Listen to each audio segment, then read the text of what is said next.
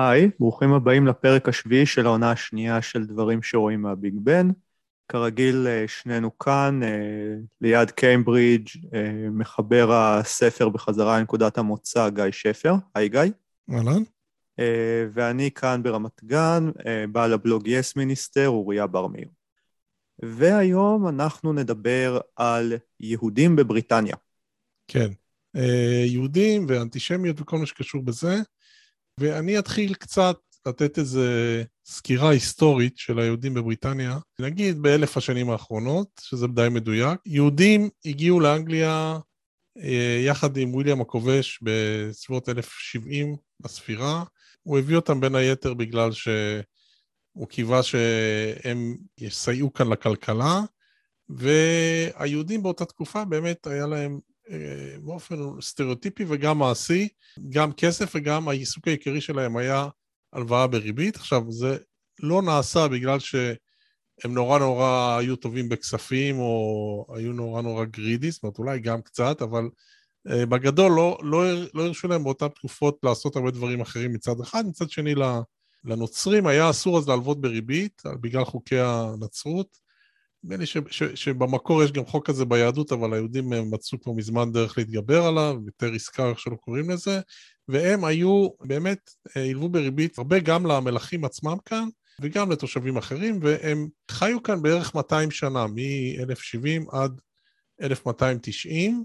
זו הייתה התקופה של אה, מסעות הצלב, והיו לא מעט, הייתה לא מעט עוינות דתית, גם כל מיני הוראות של האפיפיור מרומא, אה, להגביל את צעדיהם, וגם כאן כל מיני יוזמות מקומיות, והיו כמה תקריות אנטישמיות חמורות בתקופה הזאת, הידועה ביותר אולי זה מה שמכונה הטבח ביורק, 1190, וזה היה מין אירוע קצת מצדה כזה, שהיה איזה סכסוך מקומי בין יהודים לנוצרים בעיר יורק, והיהודים ברחו למצודת יורק, מה שהיום נקרא קליפורד טאוור, וקיוו לקבל שם את חסות השריף המקומי או האציל המקומי, אבל הוא באיזשהו זמן נסע, והאספסוף והכנופיות מסביב אה, ליורק הקיף את המצודה, והיהודים שם הבינו שהם לא יצאו מזה בחיים, והם פשוט התאבדו. ואחר כך הציתו עליהם את המגדל שהיה אז מעץ, והבודדים שהצליחו לברוח הרגו אותם, הרגה אותם הקהילה המקומית.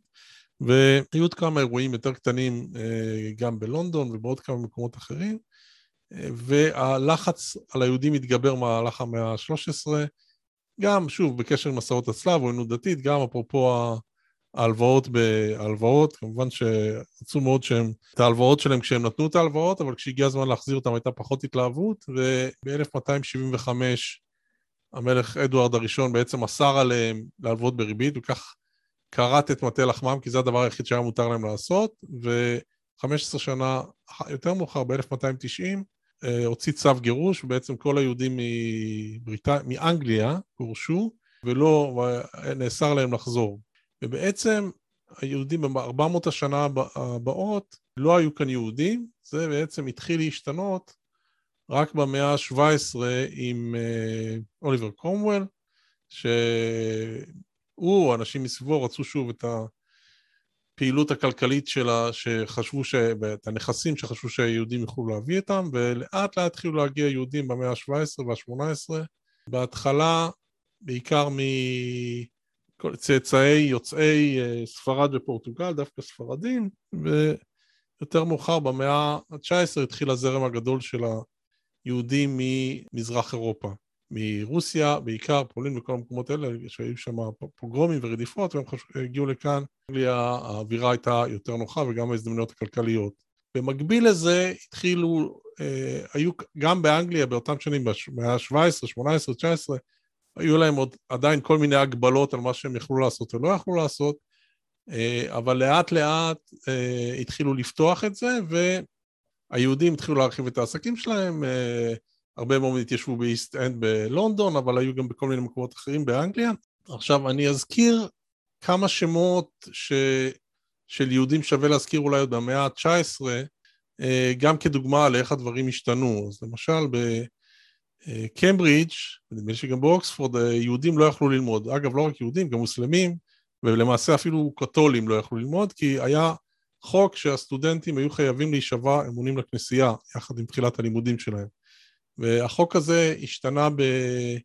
אה, קודם כל עבור הקתולים ב-1820, אחר כך באמצע המאה ה-19 ביטלו אותו גם עבור היהודים, אבל היהודים, אבל עדיין היה צריך להישבע שבועת אמונים לכנסייה אם היית חבר סגל, אם היית מרצה. שבועת אמונים שנדמה לי ניוטון באופן מפורסם סירב, סירב uh, לבצע, אבל לניוטון ויתרו ולאחרים לא ויתרו, ומי uh, ששינה את הפרקטיקה הזאת זה בעצם בחור יהודי מאוד מוכשר, קראו לו, קראו לו נומה הרטוג, והוא הצליח מאוד במבחן המתמטיקה המפורסם של קמברידג', זה בזמנו היה נחשב המבחן הכי קשה בעולם בכל תחום, ומי שהגיע בו במקום הראשון קיבל תואר מיוחד שקראו לו senior wrangler, ופרסמו את השם שלו בכל העיתונים, והוא נחשב האיש הכי חכם באירופה, וחוץ מזה הוא קיבל גם אוטומטית משרת מרצה, מין fellowship כזאת בקיימברידג', והבעיה הייתה שכשהרטוג קיבל את ה... הגיע במקום הראשון הזה, ורצה לקבל את ה fellowship שלו, הוא לא יכול היה, כי כאמור באותה תקופה, אמנם סטודנטים כבר יכלו ללמוד, אבל מרצים יהודים עדיין לא יוכלו, כי היו חייבים אה, להישבע שבועת אמונים לכנסייה. אני מדבר על 1867 או משהו כזה,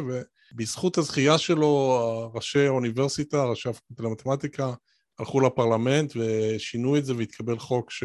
שביטל את, ה... את, ה... את חובת השבועה לכנסייה באוניברסיטאות כלשהן. הוא למרבה הצער לא הספיק ליהנות מזה כי הוא מת מאבעבועות שחורות באותה שנה. הסיפור עם סוף טרגי מבחינתו, סוף טוב ליהודים. שווה להזכיר אולי ש... 22 שנה, 23 שנה אחריו, אה, אישה הגיעה במקום הראשון במבחן הזה. אה, היא לא הייתה סטודנטית במניין, כי לנשים היה אסור אה, אז עדיין להיות סטודנטיות בקיימברידג', נדמה לי שאולי הזכרנו את זה, כבר קראו לה פיליפה פוסט, ולמרות הזכייה שלה, לקח עוד יותר מ-50 שנה אחרי הזכייה שלה, עד שאנשים הורשו ללמוד בתור סטודנטיות, וכמעט 100 שנה אחרי שהגברים היהודים זכו להיות בתור סטודנטיות, וכאן אני מדבר על נשים בכלל, לא רק יהודיות. אז ככה ששווה לזכור שגם כש... אם מדברים על היררכיות של אפליה, אז uh, היהודים אולי היו אולי במקום מעולה, אבל uh, הנשים היו במקום הרבה יותר גרוע. אני אזכיר עוד שלושה שמות מהמאה ה-20.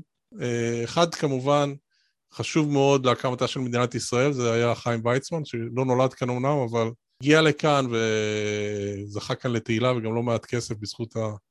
האצטון, נדמה לי, הפטנטים שלו על האצטון, והוא היה החוליה המקשרת העיקרית בין הציונות ל... לשלטון הבריטי. כן, גם אחד ה... אם אני, אני נזכר עכשיו במשהו שמרצה באיזה קורס באוניברסיטה אמר על ויצמן, שלמרות שהוא לא נולד שם, בפועל הוא היה בריטי מבחינת הגינונים ואיך שהוא תפס את עצמו. כמה שמות מהתחום הכלכלי, כי בכל זאת אמרנו, תמיד הזכרתי, בהיסטוריה היהודים היו מגיעים לכאן מסיבות כלכליות, או, או בתור אה, מי שהיה להם מוניטין שהם מביאים לכאן כסף. אז יש כאן רשת סופרים, סופרמרקטים ענקית, אחד ה... לא רק רשתות המזון, אבל בכלל הגופים הכלכליים הכי עשירים וחזקים באנגליה, שנקראת טסקו, מוכרת מאוד לכל אנגלי, זה, זה הסופרמרקט הכי נפוץ כאן, הכי גדול כאן, וה Co בטסקו זה כהן, וזה אה, בחור יהודי בשם יעקב כהן, ג'ייקוב כהן, שהקים בהתחלה מין רשת של חנויות שוק כאלה בכל אנגליה, בתחילת המאה ה-20 אני מדבר. אחרי מלחמת העולם הראש... השנייה, הוא בעצם אה, היה הראשון לייבא לכאן את הקונספט של הסופרמרקט האמריקאי, ומאוד מאוד הצליח, ויש לו, אחר כך בני המשפחה שלו היו בעסק, נדמה לי שהבת שלו גם הייתה בפרלמנט או משהו כזה. אה, שירלי פורטר, היא הייתה אה, ראשת מועצת וסטמינסטר, והסתבכה קצת בשחיתויות, וכחלק מזה ברחה לישראל לאיזו תקופה. נכון, נכון. זהו, אני לא, לא יודע אם הזכרנו אותה פעם, אבל נכון. נדמה לי שיש שם גם נכד שהיה בארץ, או שירת ב- בישראל, בצבא. כן, אבל טסקו שם מאוד ידוע כאן, אה, יש כאלה גם, שמעורר אנטגוניזם עם או בלי קשר המוצא היהודי, כי, כי כאילו כביכול השתלט על... אה, הוא, הוא, הוא כאילו היום אה, אין יותר כאילו את המכולת השכונתית, אלא יש את הסופרים הגדולים שנמצאים בכל פינה, ובדרך כלל כשמזכירים את הנושא הזה, או הרחובות הראשיים, מה קרה להם וכולי, לטובת מרכזי קניות, אז הרבה פעמים טסקו זה שם שעולה. עכשיו, היו כאן עוד הרבה אנשי עסקים מצליחים כמובן, אחד מהם אלן שוגר כיכב כאן ב... בתור מנחה של אה, תוכנית טלוויזיה מאוד מצליחה בשם המתמחה. אותה תוכנית שדונלד טראמפ uh, התחיל איתה בארצות הברית, והיו כאן עוד המון אנשי עסקים, אנשי אקדמיה, אנשי תרבות, תיאטרון, מיוזיקלס, מוזיקה, שלא נוכל למנות כאן את כולם, אבל הם באמת אה, שינו והשפיעו על, מבט, על, על, על מפת ה, התרבות והחינוך וההישגים המדעיים של אה, בריטניה בצורה מאוד מאוד מרשימה, מעבר לכמות היחסית שלהם באוכלוסייה. אני אגיד עוד שתי מילים על ה... קצת על המאפיינים של הקהילה באופן כללי. יש היום בבריטניה בערך 300 אלף יהודים, אה, ירידה מסוימת, היה, היו כבר 400 אלף.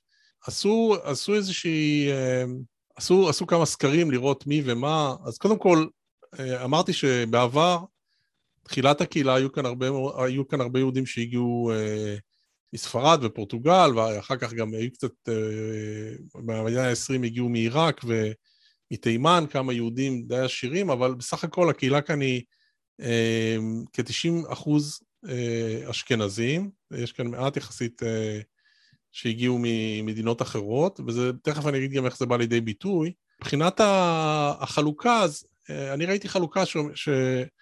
30, שזה, שהפתיע אותי האמת, ש-35 אחוז מגדירים את עצמם כיהודים חילונים, יש 15 אחוז חרדים נדמה לי, עוד 10 אחוז קצת יותר דתיים לא חרדים, ויש עוד משהו כמו 20 אחוז שמגדירים עצמם רפורמים או ליברלים. רפורמים של בריטניה זה כמו הקונסרבטיבים של ארצות הברית, הליברלים זה כמו הרפורמים של ארצות הברית, ויש עוד איזה עשרה אחוז שמגדירים עצמם מסורתיים. אני, אני, בעיניי העניין הזה של, ה, של האחוז גבוה של יהודים חילונים הוא, הוא מפתיע, כי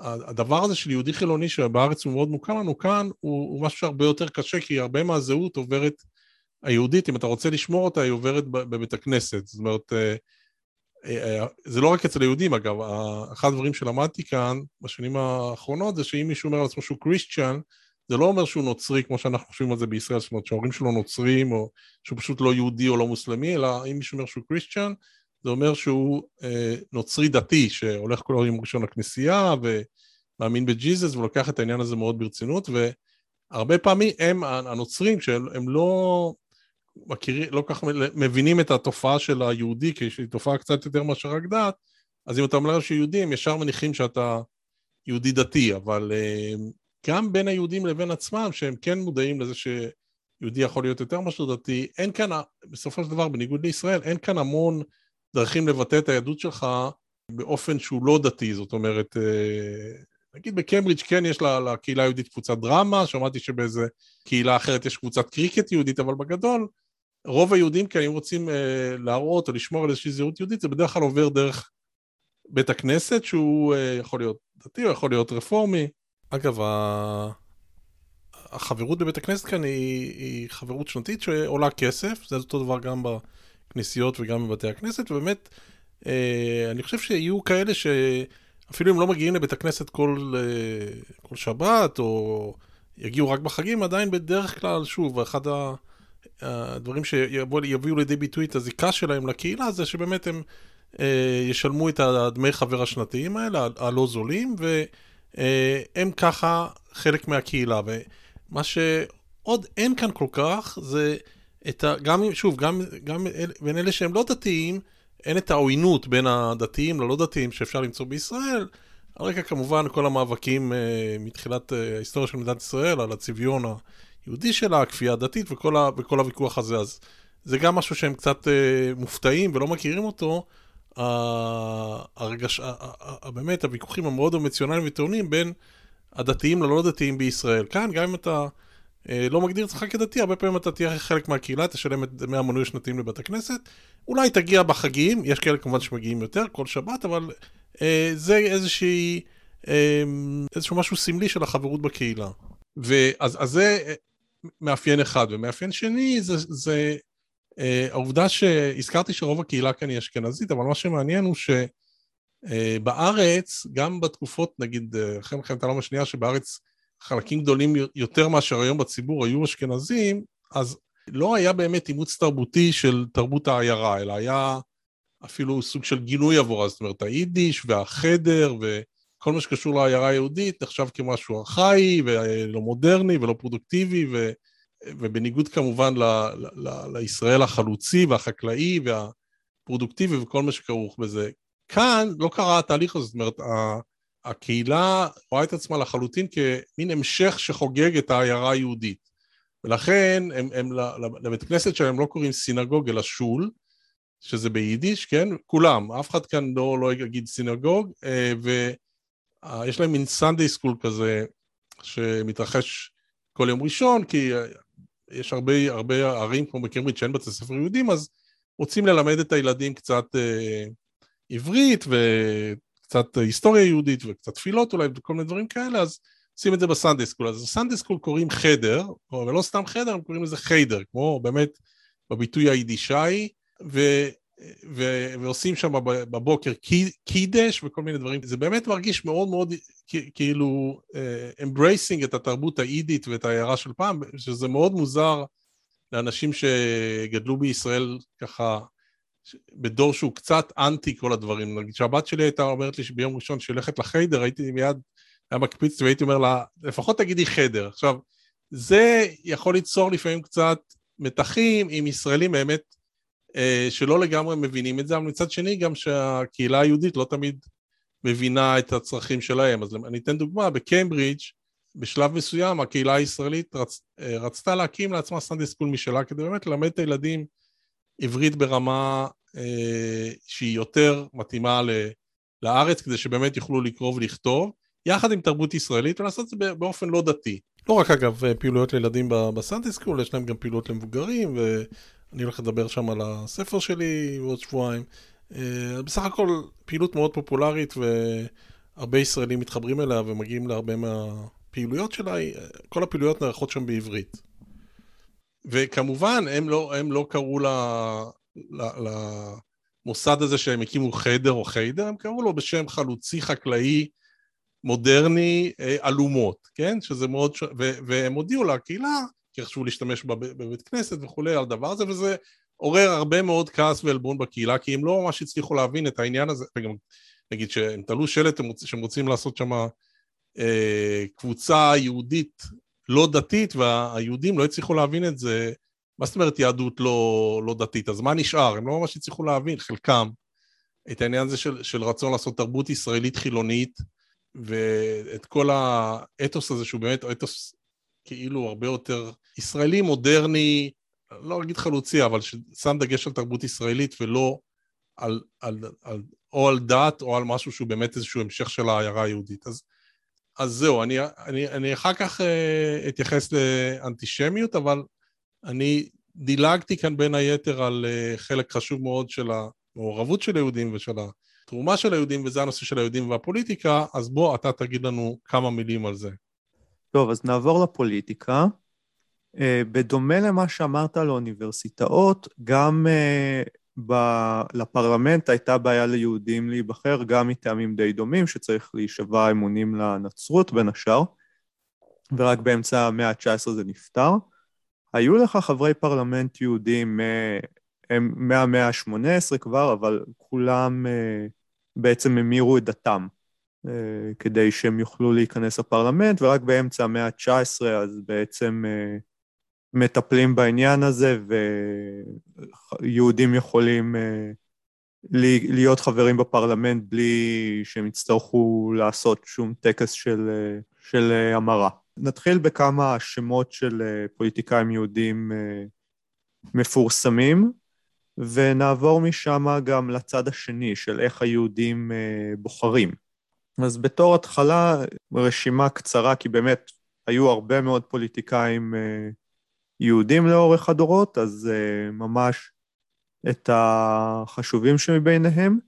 אז קודם כל, ראשון מבין כולם, בנג'מין דיזראלי, שאומנם הומר לנצרות בילדותו על ידי אבא שלו, אבל הוא עדיין ממוצא יהודי, הוא היה בעצם ראש uh, הממשלה מטעם המפלגה השמרנית, uh, היחידי עד היום בבריטניה ממוצא יהודי שכיהן בתפקיד הזה. הוא מאוד היה חשוב למפלגה השמרנית, קצת דיברתי על זה בפרקים קודמים uh, עם יצירת זרם ה-One Nation, שבעצם כן דוגל באיזושהי מעורבות של המדינה בכלכלה כדי לסייע לשכבות החלשות, וגם ברמה היהודית אז הוא היה מאוד, הוא מאוד עסק בשאלה היהודית וחשב על הרעיון הזה של מדינה ליהודים ודברים בסגנון הזה, הוא גם מאוד הגן על המוצא היהודי שלו, הוא לא התבייש בו יותר מדי, ככה שהוא בהחלט בפוליטיקה ויהדות הוא דמות מפתח. עוד uh, פוליטיקאי מפורסם, שסביר להניח שכמעט כולם מכירים את השם שלו, זה הרברט סמואל, מי שהיה הנציב uh, העליון הראשון של המנדט הבריטי בארץ ישראל, אבל הוא גם היה חבר פרלמנט ופוליטיקאי, uh, כיהן כשר הפנים בין השאר, uh, וכראש המפלגה הליברלית, והוא בעצם היה היהודי הראשון שלא היה צריך להמיר את הדת שלו, שכיהן כשר בקבינט וכראש מפלגה, שאז אה, הוא כיהן אה, ב, בין שתי מלחמות העולם בתור ראש המפלגה, ואז המפלגה עוד הייתה בגודל אה, יחסית סביר, לא כמו היום שהיא מאוד קטנה. אז אה, זה עוד אה, דמות אה, מפורסמת. נעבור אה, כמה עשורים קדימה, אז עוד אה, שר יהודי, שר האוצר של מרגרט תאצ'ר, אה, נייג'ל לוסון, כשהוא מונה לתפקיד, אז העיתונות דיווחה על זה שהוא מגיע ממשפחה יהודית לא אורתודוקסית, שחלילה אף אחד לא ידאג. ועוד שר אוצר שהיה אה, יהודי זה שר האוצר של דיוויד קאמר או ג'ורג' אוסבורן, למרות שג'ורג' אוסבורן גילה שהוא יהודי רק לפני כמה שנים. הוא בעצם מצא כמה, המשפחה שלו מצאה כמה מסמכים שסבתא שלו מצד אימא יהודייה, מה שבעצם הופך את אימא שלו יהודייה וככה גם אותו ליהודי. שני ראשי מפלגה אה, נוספים שהיו, שהם יהודים, אחד מהם זה מייקל האווארד, שהיה ראש המפלגה השמרנית בין 2003 ל-2005, אה, בעצם מי שהיה לפני אה, דיוויד קמרון. מייקל האווארד הפסיד לטוני בלר, או נדמה לי? כן, מייקל האווארד הריץ את המפלגה השמרנית ב-2005, והפסיד לטוני בלר, והוא גם לא הגיע, למרות שהלייבור מאוד ירדו ב... מאוד ירדו בבחירות האלה בגלל המעורבות המפוקפקת בעיראק. מי שנהנו מהירידה הזאת היו בעיקר הליברל דמוקרטים ופחות השמרנים, אה, ושלא במפתיע אה, הוא התפטר אחרי הבחירות האלה ודייוויד קמרון החליף אותו בתפקיד. אה, ראש המפלגה השני זה אד מיליבנד, שהיה ראש מפלגת הלייבור ורץ ב-2015 נגד קמרון. וגם לא הצליח במיוחד והתפטר. שני אה, שרים מכהנים שהיו, אה, שהם יהודים, אחד מהם זה שר התחבורה גרנט שאפס, שהוא מעיד על עצמו שמעבר לזה שהוא יהודי, הוא ממש uh, מקפיד על שמירת כשרות, הוא קונה רק כשר, הוא לא מערבב בשר וחלב, הוא לא אוכל חזיר, הוא התחתן כמיטב המסורת היהודית. והשני הוא לא יהודי על פי ההלכה, אבל הוא ממוצא יהודי, אה, שר המשפטים דומיניק רב, שאבא שלו יהודי. אז כמו שאפשר לראות, אה, סך הכל אה, יהודים מתברגים בתפקידי מפתח בפוליטיקה, יש עוד מאות, אבל אנחנו באמת לא יכולים להיכנס כולה. אה, וכמובן, כמובן, יושב ראש הפרלמנט היהודי הראשון, ג'ון ברקו, שידוע לנו מימי דיונים הלוהטים על הברקזיט עם ההופעות התיאטרליות שלו, של אורדר, שעשו להן שם גם למי שלא מתעניין בפוליטיקה הבריטית בכלל. כן, אני, אני רק רוצה להגיד, לגבי מייקל האוורד ומיליבנד, שבאמת אותי הרשים שהם רצו כאן, באמת, לתפקיד של ראש ממשלה, אמנם ללא הצלחה, והנושא של היהדות שלהם, לפחות על פני השטח, לא הוזכר, זאת אומרת, לא... אני זוכר שבארצות הברית היה מועמד, אה, לא זוכר בפרצוף שלו, היה מועמד לסגן נשיא יהודי ועשו מזה... לא ליברמן. כן, ליברמן, וזה היה עניין אדיר, וכאן לא, לא הוזכר בשום מקום, לא לחיוב ולא לשלילה, גם בראיונות איתם, זה היה, זה, זה היה נושא שולי לחלוטין. עכשיו, אני לא יודע, יכול להיות שמישהו יטען, תשמע, זה שאף אחד לא, לא העלה את זה, זה לא אומר שלא ידעו את זה ושזה לא פגע בהם בצורה זו או אחרת. אני, אני אישית חושב שהיו לשניהם אה, חסרונות אחרים, וגם הם התמודדו נגד המועמדים סופר פופולריים בזמנו, אבל אה, זה היה נון אישו, וזה היה, אותי זה מאוד אה, הפתיע בזמנו.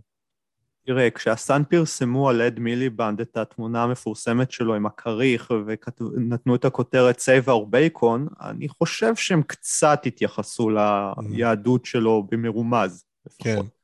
אז, אבל טוב, מה, מה מבחינת, אה, במי היהודים תומכים או תמכו היסטורית? כן, אז... אה, אני, יצא לי לכתוב על זה אה, פוסט בבלוג אה, די בהרחבה, בגלל שהאנטישמיות שמיוחסת לג'רמי קורבין, שאנחנו ניגע בה עוד מעט, אז אה, הרבה ישראלים טענו, היהודים תמיד הצביעו ללייבור ועכשיו בגלל ג'רמי קורבין הם עוזבים אותה. אז הלכתי לבדוק, כי זה נשמע לי קצת מוזר, בגלל שאחת הקהילות היהודיות הרציניות יושבות בפינצ'לי. שזה היה מחוז הבחירה של מרגרט תאצ'ר, שהיא לא בדיוק מועמדת הלייבור הקלאסית. אה, אז הלכתי לבדוק, עכשיו צריך לפני הכל לסייג ולהגיד שאנחנו לא יכולים באמת לדעת למי היהודים מצביעים, כי אם נגיד בישראל אתה ממש יכול לרדת לרמת הקלפי בשכונה ולראות אה, איך הצביעו שם ואז ממש לעשות ניתוח לפי שכונות, אתה לא יכול לעשות את זה בבריטניה, כי בבריטניה בעצם מביאים את כל הקלפיות לעמדת ספירה אחת, מערבבים את הכל, ורק אז מתחילים לספור. זה אמור לשמור על החשאיות של ההצבעה. אז מה שיש לנו זה בעיקר uh, סקרים וכל מיני ניתוחים סטטיסטיים, אבל אנחנו לא באמת יכולים לדעת איך מצביעים ספציפית בשכונות עם ריכוזים יהודים גדולים. אז זה סייג שחשוב לדעת. בכל מקרה, לפי המחקרים שיש, עד uh, מלחמת העולם השנייה, כמה שנים אחרי, אז היהודים היו מצביעים בעיקר ללייבור ולליברלים, תלוי באיזה שלב, זה היה בעיקר כאיזושהי הצבעה נגד השמרנים, נגד הימין, כי השמאל הוא זה שבעצם uh, דאג ל... כל מה שקשור לזכויות שעוד היו צריכות להינתן, כן? הליברלים הם אלה שנתנו את זכויות ההצבעה לחסרי רכוש וקידמו אמנציפציה בעצם, אז אפשר להבין למה הם עשו את זה, גם באותה תקופה הרבה מהם באמת התרכזו באיסט אנד ולא בהכרח היו אנשי עסקים, אלא השתייכו למעמדות העובדים שלא נטו להצביע לשמרנים. אחרי מלחמת העולם השנייה התחילה אה, מגמה של מעבר להצבעה לשמרנים דווקא משתי סיבות עיקריות. הראשונה היא שמקימים את מדינת ישראל ומפלגת הלייבור אה, מתנהלת לא תמיד לשביעות רצונה של הקהילה היהודית. כן, הממשלה של אטלי קצת התמהמהה עם הכרה במדינת ישראל, כשפורצת מלחמת אה, ששת הימים ב-67, אז ארולד ווילסון הוא מאוד אמביוולנטי איך להתייחס לכל הסיפור הזה. היחס לישראל היה גורם אחד, והגורם השני הוא גורם כלכלי. יותר ויותר יהודים משתייכים למעמד הביניים, ובבריטניה ההצבעה, בטח בעשורים הראשונים שאחרי מלחמת העולם השנייה, הם מאוד על בסיס מעמדי, ומעמד הביניים נוטה להצביע לשמרנים.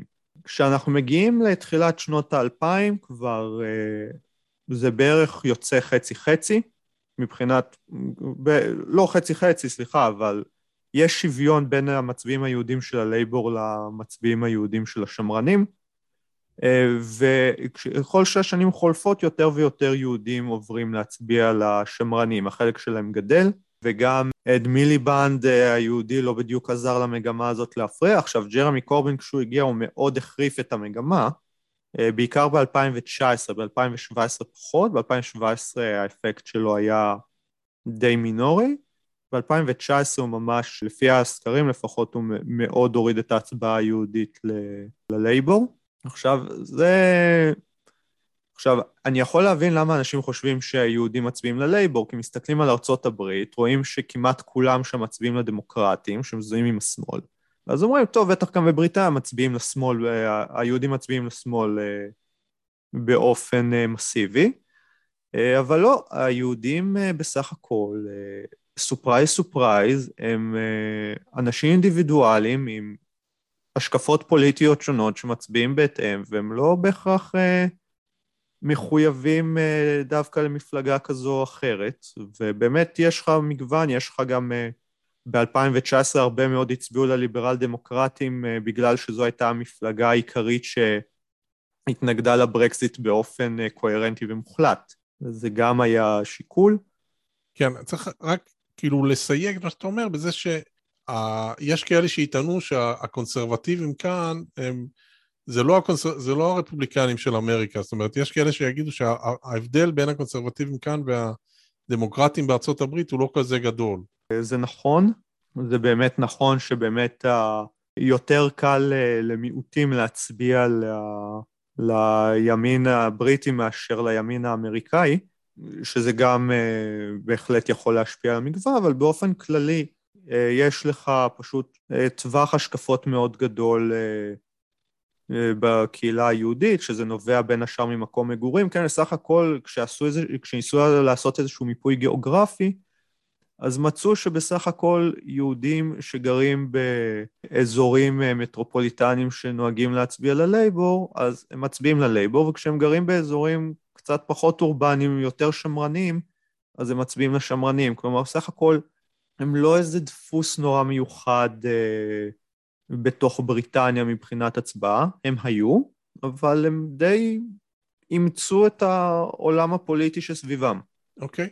אז, אה, אז בואו באמת נעבור מכאן לנושא הנפיץ הזה ש, של האנטישמיות. אני אגיד שתי מילים על ההיסטוריה, כי כבר דיברתי על זה קצת בעצם, אז uh, הזכרנו את מה שהיה כאן לפני הגירוש של המאה ה-13, ואתה uh, הזכרת לי דיברנו אתמול, אז אתה הזכרת לי באמת שאפשר להזכיר כאן גם את הסוחר מוונציה, את שיילוק של אה, שייקספיר, שדמות אה, אנטישמית, שמה שמעניין בה זה שבאותה תקופה, זו התקופה שלא לא היו בכלל יהודים באנגליה, וזה עדיין לא הפריע לו ליצור דמות אה, אנטישמית כזאת מרכזית במחזה הזה, למרות שהוא לא פגש כנראה אף יהודי כל ימי חייו, ואפשר אולי גם להגיד על זה קצת על, על דיקנס, ש, שפייגין שלו אוליבר טוויסט הוא גם כן יהודי, וגם, וגם דיקנס כנראה באותם ימים, בתחילת המאה ה-19, לא ראה המון המון יהודים שהוא יכל לבסס עליהם את, הדמות הזאת, אבל אה, כמו שאמרנו, היו כל הזמן מאבקים של היהודים אה, לאמנסיפציה וחוקים של הפרלמנט. היו במהלך המאה ה-20, הייתה השפעה אה, לגלי ההגירה הגדולים שהגיעו כאן מרוסיה על עוינות מסוימת כלפיהם. אנחנו הזכרנו בפרק על ההגירה את זה שחלק גדול מחוקי ההגירה בחצי הראשון של המאה ה-20 בעצם נוצרו בהשפעת החשש מהעלייה היהודית, מהעלייה, מההגירה היהודית המאוד מאוד גדולה לאנגליה, ובשנות ה-30 כשבכל אירופה עלו תנועות פשיסטיות, גם באנגליה הייתה תנועה אה, לא נורא מצליחה ופופולרית, אבל היו בה חברים כמה אלפי אנשים. אוסוולד מוזלי היה המנהיג שלה, ויש את ה... אירוע ידוע בתור The Fight of Cable Street, שזה היה, הארגון הזה, הפשיסטי הזה, רצה לארגן מצעד באיסט אנד, במרכז שכל היהודים נמצא, נמצאו, והיהודים מהאזור התארגנו והם התחברו להרבה ארגונים מקצועיים והתנועה הקומוניסטית וכל מיני גופים כאלה, שזה אפרופו מה שאמרת שלפני מלחמת העולם השנייה היה חיבור עם הלייבור, והם הגיעו לשם בכמויות הרבה יותר גדולות. קראתי איפשהו שה... הפשיסטים האנטישמים הגיעו לשם 2,000 או 3,000 איש, ויש כאלה שטוענים שבצד השני היו 100 אלף אה, מפגיני נגד. המפגיני הנגד האלה אה, פשוט לא נתנו למצעד להתקיים, הם התעמתו עם המשטרה, מהגגות בני המשפחה זרקו עגבניות וביצים, ולמטה החבר'ה היותר צעירים הלכו מכות עם השוטרים ועם כל מי שהיה צריך, כדי לא לאפשר למצעד לעבור, והמצעד לא עבר.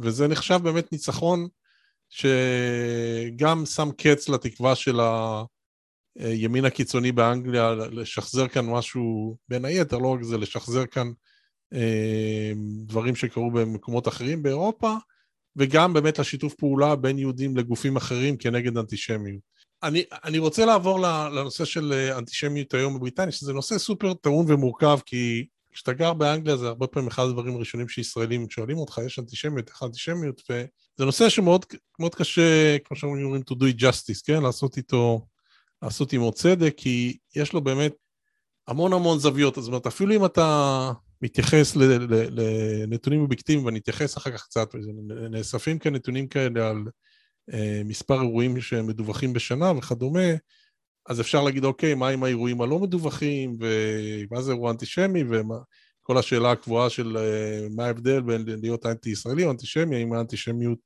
האם כל, כל האנטי-ישראליות מונעת על ידי אנטישמיות וכולי, אבל, ובוודאי אם אתה שואל אנשים ספציפיים על החוויות שלהם, ויצא לי לדבר עם זה אנשים, אז זה, זה, זה, הרבה פעמים אפשר לטעון שזה, א', שזה מאוד תלוי בנסיבות שלך, כי נגיד אני נמצא כאן כבר 20 שנה, ואני חושב שכששואלים אותי, אני אומר ש...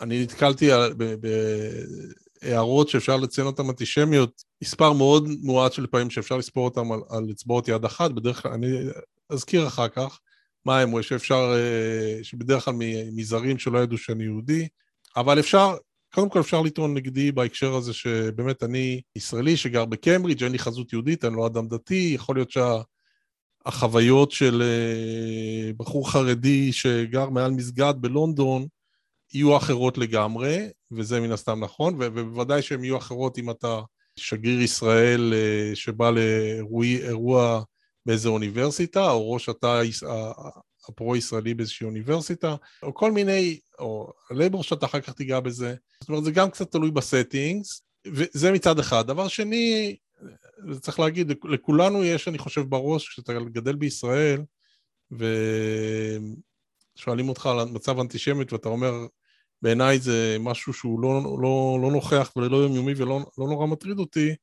אז מיד יש לך בראש את המחשבה הזאת של, של אוקיי, אולי אני באמת מהחבר'ה האלה בגרמניה שאמרו, אה, שום דבר, זה לא רציני, אני לא מודאג, וכולנו יודעים איך זה נגמר, ובאמת אולי אתה צריך לארגן לך בכל זאת אה, איזה עליית גג לקצת קליפות תפוחי אדמה ליום סגריר או משהו מהסוג הזה, ומזוודה למילוט מהיר. אבל אני רוצה להגיד כאן מהצד השני, וזו אולי אמירה קצת פרובוקטיבית שאולי תעצבן קצת ישראלים, אבל יש איזשהו צורך ישראלי מאוד מאוד חזק לדבר ולהנכיח את האנטישמיות בעולם. עכשיו, כשאני אומר שיש צורך בזה, זה כמובן גם אחרי פרנואידים רודפים לפעמים, אז ברור שזה שאנטישמיות היא, היא, היא חשובה בעיני הישראלים, לא אומר ש, שהם ממציאים את זה או שאין אנטישמיות, אנחנו יודעים שיש אנטישמיות והייתה אנטישמיות, אבל יש לפעמים איזו הרגשה שבאמת תהיה זווה מסוימת לישראלים, ישמעו שהמצב האנטישמית הוא לא כזה גרוע. לא יודע אם זה, אני לא רוצה לנתח את זה, אם זה פשוט איזה מין צידוק ל... בקטע של אני גר בישראל ולא כל כך טוב לי, אבל לפחות היהודים שלי, הילדים שלי לא, לא יורקים עליהם וצועקים להם ז'יד כל יום או משהו כזה. אה, לא חושב שזה הצדקה נדרשת, כי אפשר, יש אלף אחת סיבות טובות אחרות לחיות בישראל, אבל מה שאני רוצה להגיד זה ש... הצורך הזה באנטישמיות הוא, הוא יוצר איזו תפיסה לגבי אנטישמיות, שאני חושב שגם מי שנתקל באנטישמיות יותר ממני בבריטניה היא מאוד שונה מהתפיסה שלו, ולמה אני מתכוון? הרבה, הרבה ישראלים שגרים באנגליה, זה קצת מעצבן אותם, שהשאלה הראשונה שישראלים שואלים אותם זה מה מצב האנטישמיות, למה? כי אצל היהודים הרבה פעמים, אצל ישראלים הרבה פעמים התפיסה היא באמת של איזשהו משהו פתולוגי שמקנן בכל לא יהודי, בכל מקום בעולם, שאו שהוא אנטישמי מיום לידתו ושונא יהודים ואת ישראל, או שהוא, או שהוא שייך לאיזו קבוצת מיעוט נורא קטנה של חובבי ישראל והציונות נלהבים שמניפים אה, דגל ביום העצמאות. ואין כאילו מצב ביניים, אין אנשים שהם לא אנטישמים, אבל מצד שני הסכסוך על ישראלי-פלסטיני לא נורא מעניין אותם לכאן או לכאן, למרות שזה בפועל, אני חושב, רוב האנשים שאנחנו נתקלים בהם, זאת אומרת שאני חושב שגם אה, אם תיתקל באנשים באנגליה ישראלים או יהודים שנתקלו ביותר אנטישמיות מאשר נגיד אני או אחרים ש, שחושבים שזה לא משהו משמעותי בחיים שלנו, עדיין יהיה מדובר במקרים בודדים. מישהו יוכל לספר לך, השנה נתקלתי בכמה מקרים כאלה, או הילד שלי בבית ספר נתקל בזה כמה פעמים. זה לא, אני לא חושב שיש אנשים שזה, שזה חוויה יומיומית אצלם. אה, וזה לא משהו שמאפיין את. היהודי, את, ה, את הלא יהודי המצוי, אבל יש מקומות בהחלט שבהם זה נמצא יותר, ויש setting שבהם זה יותר בעייתי, אנחנו נגיע ללייבור, אני, אני אגיד שזה קצת uh, קיים ב, לפעמים באוניברסיטאות, יותר בהקשר האנטי-ישראלי, אבל אני uh, רוצה באמת להתייחס בעניין הזה לנתונים, כי אני קראתי השבוע באמת נתונים, קראת הפודקאסט של, uh, יש ארגון CST, ש... אה, אוסף את ה... באמת אה, מתעד את, ה... את רישומי ה... את הקריאות האנטישמיות, והוא פרסם השנה שבחצי שנה ש... של 2021, חצי שנה הראשונה, הייתה עלייה לעומת שנים קרובות, היו, דווחו 1,600 תקריות אנטישמיות בדרגות חומרה שונות. עכשיו, זה נשמע הרבה מאוד, ואני לא אומר שזה לא, ואני שוב לא, לא מזלזל באף תקרית של אנטישמית, אה, אבל אני רוצה להגיד שני דברים. קודם כל, יש כאן אה, בערך 300 אלף יהודים, אז זה, זה אומר שבערך רק אחד ממאה מהיהודים האלה אה, דיווח על, על, על תקרית אנטישמית. שוב, לא מזלזל, ויכול להיות שגם היו הרבה תקריות שלא דווחו, אבל אה, מדובר על דברים שבדרך כלל הם, הם, הם יחסית נדירים, וכשהם הם, אה, קורים אז מדווחים עליהם. והדבר השני שאני רוצה להגיד, באופן שלא מפתיע אף אחד, חצי מהתקריות האלה אה, התרחשו במאי כשהיה את הסכסוך ה...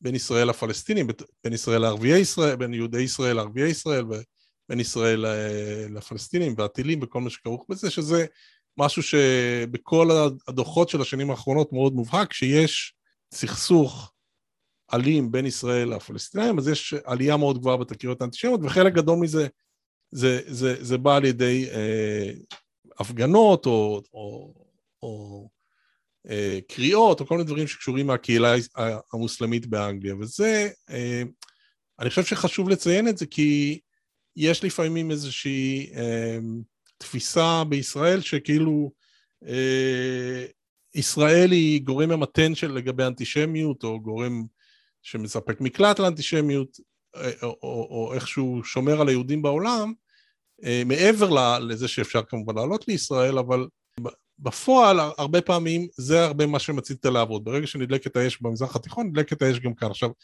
זה לא ביקורת על ישראל בהקשר הזה, שאני חושב שישראל צריכה לנהל את היחסים שלה עם שכונותיה על פי האינטרסים שלה ולא על פי האינטרסים של היהודים בעולם, אבל זה, אה, זה מאוד מאוד משפיע. וזה גם באמת קשור לנושא הזה של באמת איזושהי אנטי-ישראליות שקיימת כאן בחוגים כאלה ואחרים, אני חושב שהיא, שהיא הרבה פחות אה, נפוצה בציבור הרחב ממה שהישראלים רוצים להאמין, אבל שוב, זה גם לא שבצד השני רוב, רוב התושבים כאן הם אה, פרו-ישראלים. האנגלי הממוצע, אם אתה שואל אותו על, על איזה מלחמה שקורית כרגע בין ישראל לפלסטינים, הוא יגיד, המשוגעים במזרח התיכון שוב יורים אחד על השני. ולא בהכרח תהיה לו דעה נחרצת. יש חוגים שבהם כן יש דעה אה, אנטי-ישראלית, ושוב, אתה תדבר תכף על הלייבור ומה שקרה שם, ואחד המקומות שזה בא לידי ביטוי זה באמת באוניברסיטאות בעיקר, יש איזה משהו מאוד אופנתי בעיניי דווקא אצל תלמידי התואר הראשון, ביחד עם עוד כל מיני אופנות שלהם ורצון להיות כביכול פרוגרסיביים, זה בא לידי ביטוי גם באמת בעניין הזה של הזדהות אוטומטית עם ה pro-Palestine ולפעמים עם חרמות וכל מיני דברים מהסוג הזה, ואם אתה סטודנט ישראלי שהסכסוך אה, חשוב לו ואתה רוצה לייצג את העמדה הפרו-ישראלית, שבעיניי אגב, כל הניסיונות האלה לשכנע אנגלים שיתמכו בך וכולי, זה, זה, זה הרבה פחות חשוב ממה שהישראלים חושבים, אבל אתה, אתה יכול להרגיש לא נוח, ו, ואם אתה תארגן אה, אירוע עם מישהו משגרירות ישראל, אז יהיו הפגנות, כמו שראינו לפני שבוע-שבועיים את ש, ש, שמאבטחים מובילים את ציפי חוטבילי, חוטבילי מאיזה הפגנה נגדה אחרי שהגיעה לארצות באיזושהי אוניברסיטה.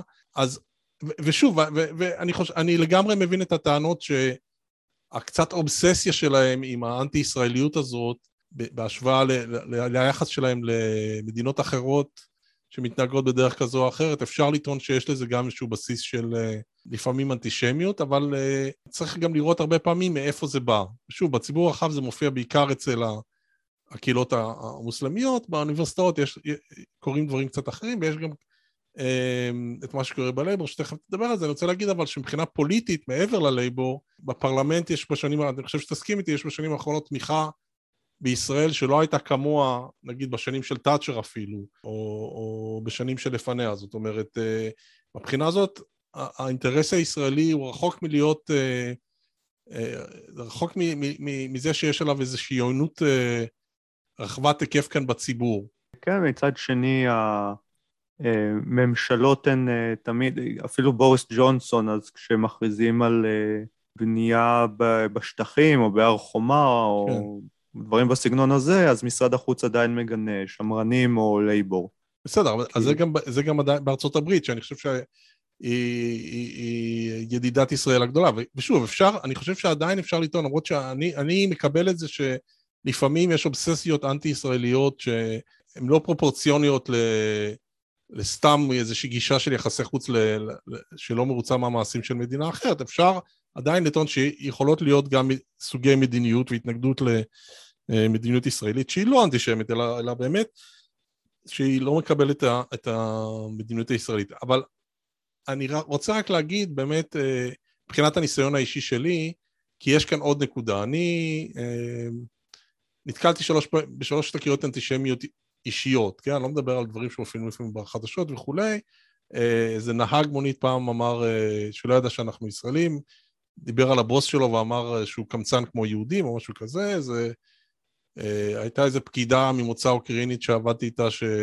שהיינו מיודדים דווקא, אבל היו לה, באופן כללי היו לו דעות של קוזק מימי הביניים על כל דבר, כולל הייתה מאמינה בכל תיאוריות קונספירציה אפשרית על פני כדור הארץ, אבל גם כמובן קצת דעות אנטישמיות.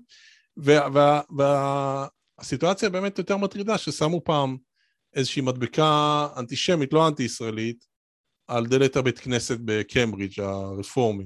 אבל אני, אני כן רוצה גם להגיד שחשובה גם התגובה לדבר הזה. אז נגיד העניין עם מדבקה, הגיע קצין משטרה מיד, לקחו את זה מאוד ברצינות, בדקו את, המצלמות הנסתרות שיש שם באזור, אה, ומצאו את הבן אדם, שאגב הוא לא היה חלק מאיזה תנועה או משהו, היה סתם, לא רוצה להגיד הזוי כדי לא, לא להפחית בחשיבות של זה, אבל העמידו אותו לדין, ונדמה לי שהוא קיבל או מאסר או איזשהו עונש לא, לא מבוטל. אז, אה, וזה גם קשור לנושא שדיברנו עליו בפעם הקודמת של החינוך, כי בעיניי גזענות גם כלפי יהודים וגם כלפי אחרים אה, זה דבר שמן הסתם יהיה בכל חברה, כמובן נמצא גם בחברה הישראלית, ואני חושב שאם מדברים על החברה הבריטית אז שחורים או מוסלמים שגרים כאן, אה, יהיו להם אני חושב טענות הרבה יותר קשות לגבי הגזענות כלפיהם מאשר יש ליהודים, אבל השאלה גם מה באמת מערכת החינוך ומערכת אכיפת החוק עושה בעניין הזה, ואני חושב שמערכת החינוך כאן באמת עם הרב תרבותיות שלה ועם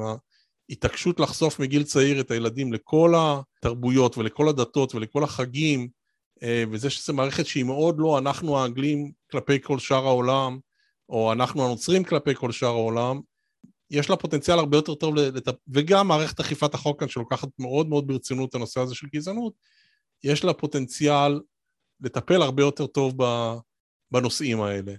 אבל יש, אז לכן נגיד יש דברים שהם פחות מטרידים אותי או יותר מטרידים אותי, נניח העוינות המוסלמית פחות מטרידה אותי, כמובן מי שחושב שיום אחד המוסלמים כאן עומדים להשתלט על אנגליה ולהרוג את כל היהודים, אז הוא יותר מוטרד מזה, אני לא, אני חושב שזה גישות מאוד פרנואידיות, והעוינות בין היהודים לערבים ולמוסלמים עדיין הרבה יותר בעייתית בפרונט של הפרונט של החזית, איפה שנמצאת אבק השרפה שזה ישראל.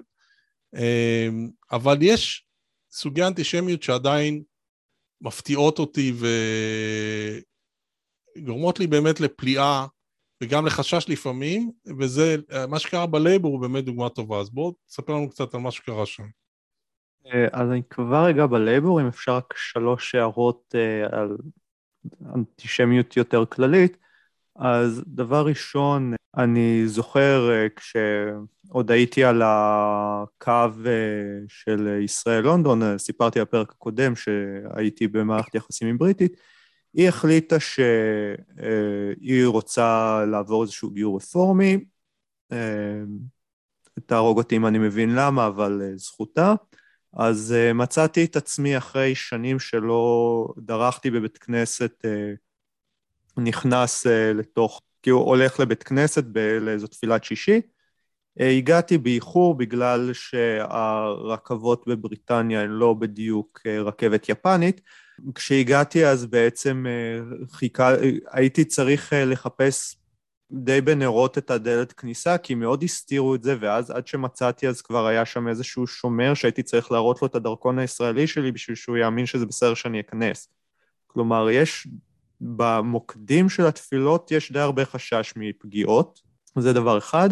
דבר שני, אני זוכר שלתזה אני ראיינתי איזה זוג אה, של יהודים בריטים שהגיע לחופשה בישראל, כי יהודים בריטים מאוד אוהבים אה, לנפוש בישראל, בזמן שאנחנו מדברים מכרים בריטים, יהודים אחרים שלי בדרכם לחופשה של איזה חודשיים בישראל. בכל מקרה, האישה טענה שהיא מאוד חוששת מהאנטישמיות שמתגברת, זה היה אז אה, סוף 2018, אז אה, זה היה יותר באוויר בגלל הלייבור שעוד מעט נדבר עליה, והבעל דווקא אמר שהוא לא חושש, כי אנטישמיות היא לא נמצאת, אין לה, אין לה מקום רב במסורת הבריטית המודרנית. אז uh, יש באמת, אפילו שני יהודים שגרים באותו בית יכולים כן. אה, לחוות את האנטישמיות בדרכים שונות. Okay. אוקיי. Uh, ולסיום על הסכסוך, אז אני רק אגיד שיש איזה ארבעה-חמישה נהגי אובר ששמעו ממני את תולדות הסכסוך, והתעניינו והקשיבו ולא ניסו אה, כן. יותר מדי לנקוט, כן. לנקוט צד. אז בוא נדבר קצת באמת על לייבור, כי זה... זה באמת הייתה תופעה שאותי הטרידה. כן, אז הרבה מהשאלות uh, על האנטישמיות בלייבור התחילו ב-2015, כשג'רמי קורבין uh, נבחר לראש הלייבור, והייתה לו היסטוריה של uh, אמירות בעייתיות מאוד, כמו הציונים הבריטים לא מבינים אירוניה אנגלית, ואחר כך הוא ניסה איכשהו להסביר ש... אה, כשהוא אמר ציונים אז הוא לא דיבר על כל היהודים, והוא לא גרם לזה להישמע יותר טוב, אה, או שהוא, או כמובן המפגש הידוע שלו עם אנשי חמאס וחיזבאללה, שהוא קרא להם חברים. עכשיו אני צריך להגיד בהקשר הזה, אני לא חושב שג'רמי קורבין הוא אנטישמי במובן הקלאסי של המילה של הוא רואה יהודים וחושב שהם אה, חמדנים ורודפי בצע וכל הדברים האלה. ג'רמי קורבין כידוע גם נפגש הרבה מאוד עם אנשי המחתרת האירית אה, כשהיא הייתה ארגון טרור ועם עוד כל מיני גורמים אה, אה, לא חיוביים אחרים והוא הביע תמיכה ישירה במדורו, בוונצואלה, למרות מה שהוא עושה שם. הגישה של קורבין היא אנטי-אימפריאליסטית של שחור ולבן. מה שהוא מזהה כאימפריאליסטי זה רע ומה שהוא מזהה כאנטי-אימפריאליסטי זה טוב. אז מהבחינה הזאתי אה, הוא רואה כל מיני גורמים כמו חמאס וחיזבאללה שנלחמים בישראל ה-so called אימפריאליסטית כגורמים היותר טובים ובישראל את האימפריאליזם הרשע. עכשיו, יש בזה גם יסודות אנטי-יהודים, אבל זה לא אנטישמיות קלאסית. הבעיה העיקרית בקורבין, שמרגע שהוא נבחר לראשות הלייבור, צריך להגיד, הוא נהיה הרבה יותר זהיר בהתבטאויות שלו, הייתה שהוא גרם לאנטישמים אחרים בלייבור להרגיש מאוד בנוח. אה, שלל תחקירים מצאו שכל הטיפול אה, בתלונות על אנטישמיות היה, אם אני אשתמש ב understatement בריטי קיצוני, לוקה בחסר. כן, זה גם הטיימס מצא וגם אה, ה-BBC מצא וגם הדוח מלפני שנה בערך של הנציבות לזכויות אדם, שחקרה את הלייבור אה, על ההתנהלות שם מול אנטישמיות, מצאו שהייתה שם בגדול, היה שם בגדול טיוח שיטתי של התלונות אה, נגד אנטישמיות ותהליך לא ממצה ולא מספק, וזה בעצם היה העניין הגדול של ג'רמי קורבין עם האנטישמיות בלייבור, העובדה שתחתיו אנטישמים לא טופלו כמו שצריך, אה, כמו שאמרו בדוח פנימי שג'רמי קורבי ניסה להפיק באמצעות אחת מהעשרות בממשלת הצללים שלו, בכל מפלגה אתה תמצא גם קבוצה גזענית. השאלה היא לא האם יש לך גזענות במפלגה, השאלה היא איך אתה מגיב לגזענות הזאת. והתגובה של הלייבור תחת קורבין לאנטישמיות שמצאו בה הייתה מאוד מאוד גרועה, וזה בעצם מה ש... הוביל לתופעה הזאת של אתה שומע יותר ויותר אה, אה, על אנטישמיות בלייבור, כולל המקרה של לוסיאנה ברגר, שהייתה חברת פרלמנט יהודייה מטעם הלייבור ופשוט פרשה מהמפלגה אה, ובסוף עברה לליברל דמוקרטים, כי, והיא טענה שזה פשוט היה על רקע הרבה מאוד הצקות אנטישמיות שהיא עברה מצד התומכים של קורבין, והיא כבר לא הייתה מסוגלת לשאת את זה. כן. אני, אני רוצה להגיד גם ש... מה שבאמת אה, הטריד ב, ב, בעניין הזה זה שזה היה באמת איזשהו גל כזה, שקודם כל שבאמת, למרות שקורבין הביא דעות מאוד אנטי-ישראליות, אני חושב שזה היה מעבר לזה, זה היה, היה שם איזה גל של, אה, שאגב, התנועה שלו, הרבה מהצעירים שהוא הביא, מזוהים עם התנועת מומנטום, שהיא נחשבת כזו תנועה אה, רדיקלית, למרות ש, שנדמה לי שהמייסד שלהם הוא גם יהודי, אבל אה, היה שם איזה מין גל של כזה אנטי-ממסדיות, שדווקא מזכיר לי לפעמים את, את כל התומכים של טראמפ, כל מה שקרה שם עם העלייה על, ה, על גבעת הקפיטול וכולי, שהיה שם המון מיזוגניה, והיה שם, שם איזה מין, מין גל כזה של אה, קצת פופוליזם, אבל חלק גדול ממנו, שוב, חוץ מזה שזה הופנה גם נגד נשים וכולי, חלק גדול ממנו באמת היה גם איזושהי אנטישמיות כללית, שאולי באה גם מתוך איזושהי רדיקליות של שמאל שמזהה את היהודים עם העשירים וקצת אנטי-ישראליות, ו... אבל באמת, היו בלייבור לא מעט אה, חברי פרלמנט במהלך השנים. אה, היו תקופות שהיו עשרות חברי פרלמנט בפרלמנט, רובם מהלייבור שהיו יהודים, זאת אומרת, זה, אה, ללייבור יש היסטוריה של אה, חברי פרלמנט יהודים מאוד חזקה. פתאום כאילו מלמטה זה, אה, היה משהו באמת אה, יחסית רחב היקף, אז אה, זה היה מטריד. צריך לומר, תקן אותי אם אני טועה, ש... אה, קודם כל צריך לומר, אה, קורבין כמובן הפסיד, הובס בגדול אחת התבוסות הכי גדולות של ראש לייבור בבחירות, למרות שיהיה לא נכון לייחס את זה לאנטישמיות וכל מה שקרה, זה בהחלט לא הועיל לו מבחינה פוליטית. נכון, ואחריו עלה קיר סטארמר, שהוא מעבר לזה שהוא נשוי ליהודייה, הוא גם מאוד מנסה להציג את עצמו כתומך ישראל, הוא מזהה אנטישמיות עם אנטי ציונות, אה, וצריך להגיד, אני לא חושב שכל התנגדות לציונות היא בהכרח גם אנטישמית, אבל הרבה פעמים משתמשים בתירוץ הזה של אנטי ציונות או אנטי ישראליות כדי אה, להגיד לא, אני לא אנטישמי, כשבפועל תקן. נכון, אז, אה, אז באמת זה גם, אז, זה גם שוב מראה לא רק מה היה, אלא גם מה הייתה התגובה, והתגובה באמת הייתה קיר סטארמוס, שהוא באמת אחד, ה, ה, אני חושב, היותר פרו-ישראליים בלייבור, והוא בין היתר, נדמה לי, הדיח את קורבין מהמפלגה לאיזושהי תקופה קצרה על רקע הנושא של האנטישמיות, הוא היה יכול להדיח אותו על כל מיני רקעים אחרים, אבל על הרקע הזה הוא עשה את הצעד הזה כדי להראות שהוא לוקח את העניין הזה ברצינות. כן, uh, מה שקרה שם זה שהתפרסם הדוח הזה שהזכרתי קודם של הנציבות אה, של זכויות האדם, היא בעצם חקרה את האנטישמיות בלייבור, הלייבור הייתה המפלגה השנייה אחרי, אה, שנחקרה על ידי הנציבות הזאת, אחרי שהקודמת הייתה איזו מפלגת ימין קיצוני, אז אתה יכול להבין עד לאיזה עבר פיפה אחת המפלגה הגיעה מהבחינה הזאת. אה, ובכל מקרה, אחרי שפורסמו המסקנות, קורבין כבר לא היה ראש המפלגה, אבל הוא הגיב שהוציאו את זה מכל פרופורציה, שהייתה בעיה קטנה ושניפחו אותה, ועל זה אה, אה, סטארמר החליט שהוא משעה אותו. הוא עדיין חבר במפלגה, אבל הוא כבר לא חבר פרלמנט מטעם המפלגה. אם אתה תיכנס עכשיו לאתר הפרלמנט, לעמוד של ג'רמי קורבין, אתה תראה שהוא מופיע לך שם כ independent. וואלה. אז, אז באמת, אני חושב שאם אתה היום שגריר ישראל בבריטניה, או שגרת ישראל בבריטניה, אז, אז אולי לא יהיה לך כזה כיף אם יזמינו אותך להרצות באוניברסיטאות, אבל מבחינת שני ראשי המפלגה, ובקונסרבטיבים זה היה עוד לפני, דויד קמרון אמר, הגדיר את עצמו כציוני, ובוריס נדמה לי ביקר בישראל, אם אני לא טועה. מתנדב אה, בקיבוץ. כן, והיה מתנדב בקיבוץ וכל הדברים האלה. אז אה, אני חושב שמהבחינה הזאת המצב אה, יחסית פרו-ישראלי יותר ממה שהיה אי פעם. בקיצור, המצב מורכב, יש כל מיני מקומות ואזורים והקשרים ו... מתחמים שבהם יש בעייתיות, אבל צריך להסתכל על הדברים בצורה רציונלית ולא היסטרית ולא פופוליסטית לשני הכיוונים, ומצד שני גם לא, לא מתעלמת.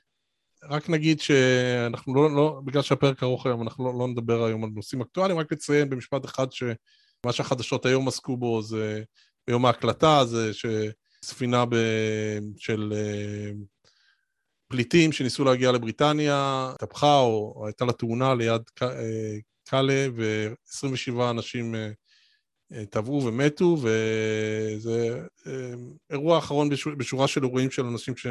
פליטים שמנסים להגיע לכאן, מוברחים על ידי מבריחים, הרבה מהם לא מצליחים להגיע, הרבה מהם מתים בדרך, וזה נושא שמאוד מטריד כאן את הרשויות, והיום דובר על שיתוף פעולה בין בריטניה לצרפת כדי לעצור את זה.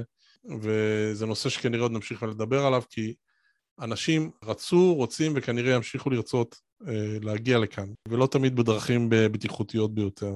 זהו, בפרק הבא, אוריה. בפרק הבא אנחנו נדבר על המעמדות השונים בבריטניה, ולא חסר. נושא שהבריטים בעצמם מאוד אוהבים לדבר עליו, אז אנחנו נדבר על זה בפרק הבא. עד כאן להפעם, אה, תודה שהייתם איתנו ונשתמע. נשתמע. נשתמע.